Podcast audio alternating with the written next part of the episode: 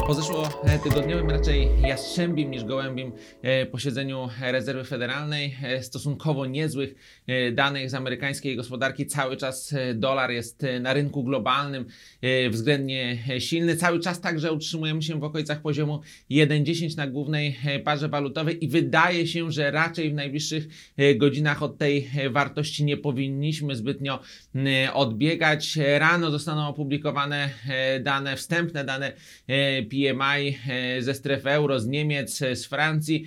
Ale wydaje się, że jeżeli nie będzie jakichś bardzo, bardzo e, dużych zaskoczeń e, w porównaniu do e, prognoz makroekonomistów, to najprawdopodobniej te poziomy na głównej parze walutowej, wycena ogólna euro na rynku globalnym pozostanie względnie niezmieniona. Także te okolice 1,10 na euro-dolarze cały czas wydają się tym poziomem bazowym. Jeżeli zaś chodzi o sytuację na złotym, n- to ona skomplikowała się pod koniec e, tygodnia. Wyszliśmy na euro-złotym w okolice 4,37, e, przekroczyliśmy 4,0 na franku do złotego, a to jest konsekwencja informacji podawanych przez media, że wyrok Trybunału Sprawiedliwości Unii Europejskiej w sprawie kredytów indeksowanych we, we szwa- szwajcarskiej walucie najprawdopodobniej będzie ogłoszony 3 października, czyli za półtora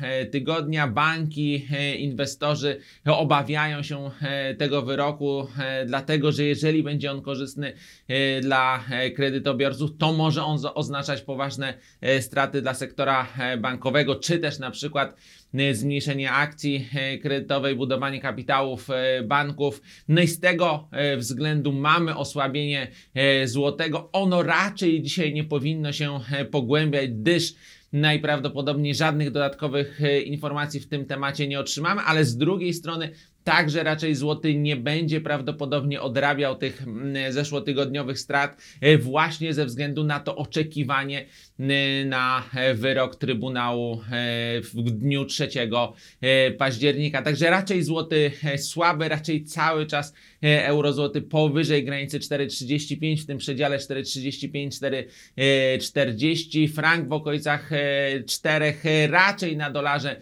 nie powinniśmy e, osiągnąć tej granicy e, 4,0, ale blisko tych poziomów 4,5 e, grosze poniżej tej e, okrągłej granicy. Prawdopodobnie będziemy się e, utrzymywać, zwłaszcza, e, że jak pamiętamy e, w zeszłym tygodniu dane z krajowej gospodarki e, były dość słabe, ujemna e, produkcja przemysłowa w relacji e, rok do roku, nawet jak ją wyrównamy e, sezonowo, to ten wzrost rok do roku był e, mizerny, słabszy od oczekiwań e, sprzedaż.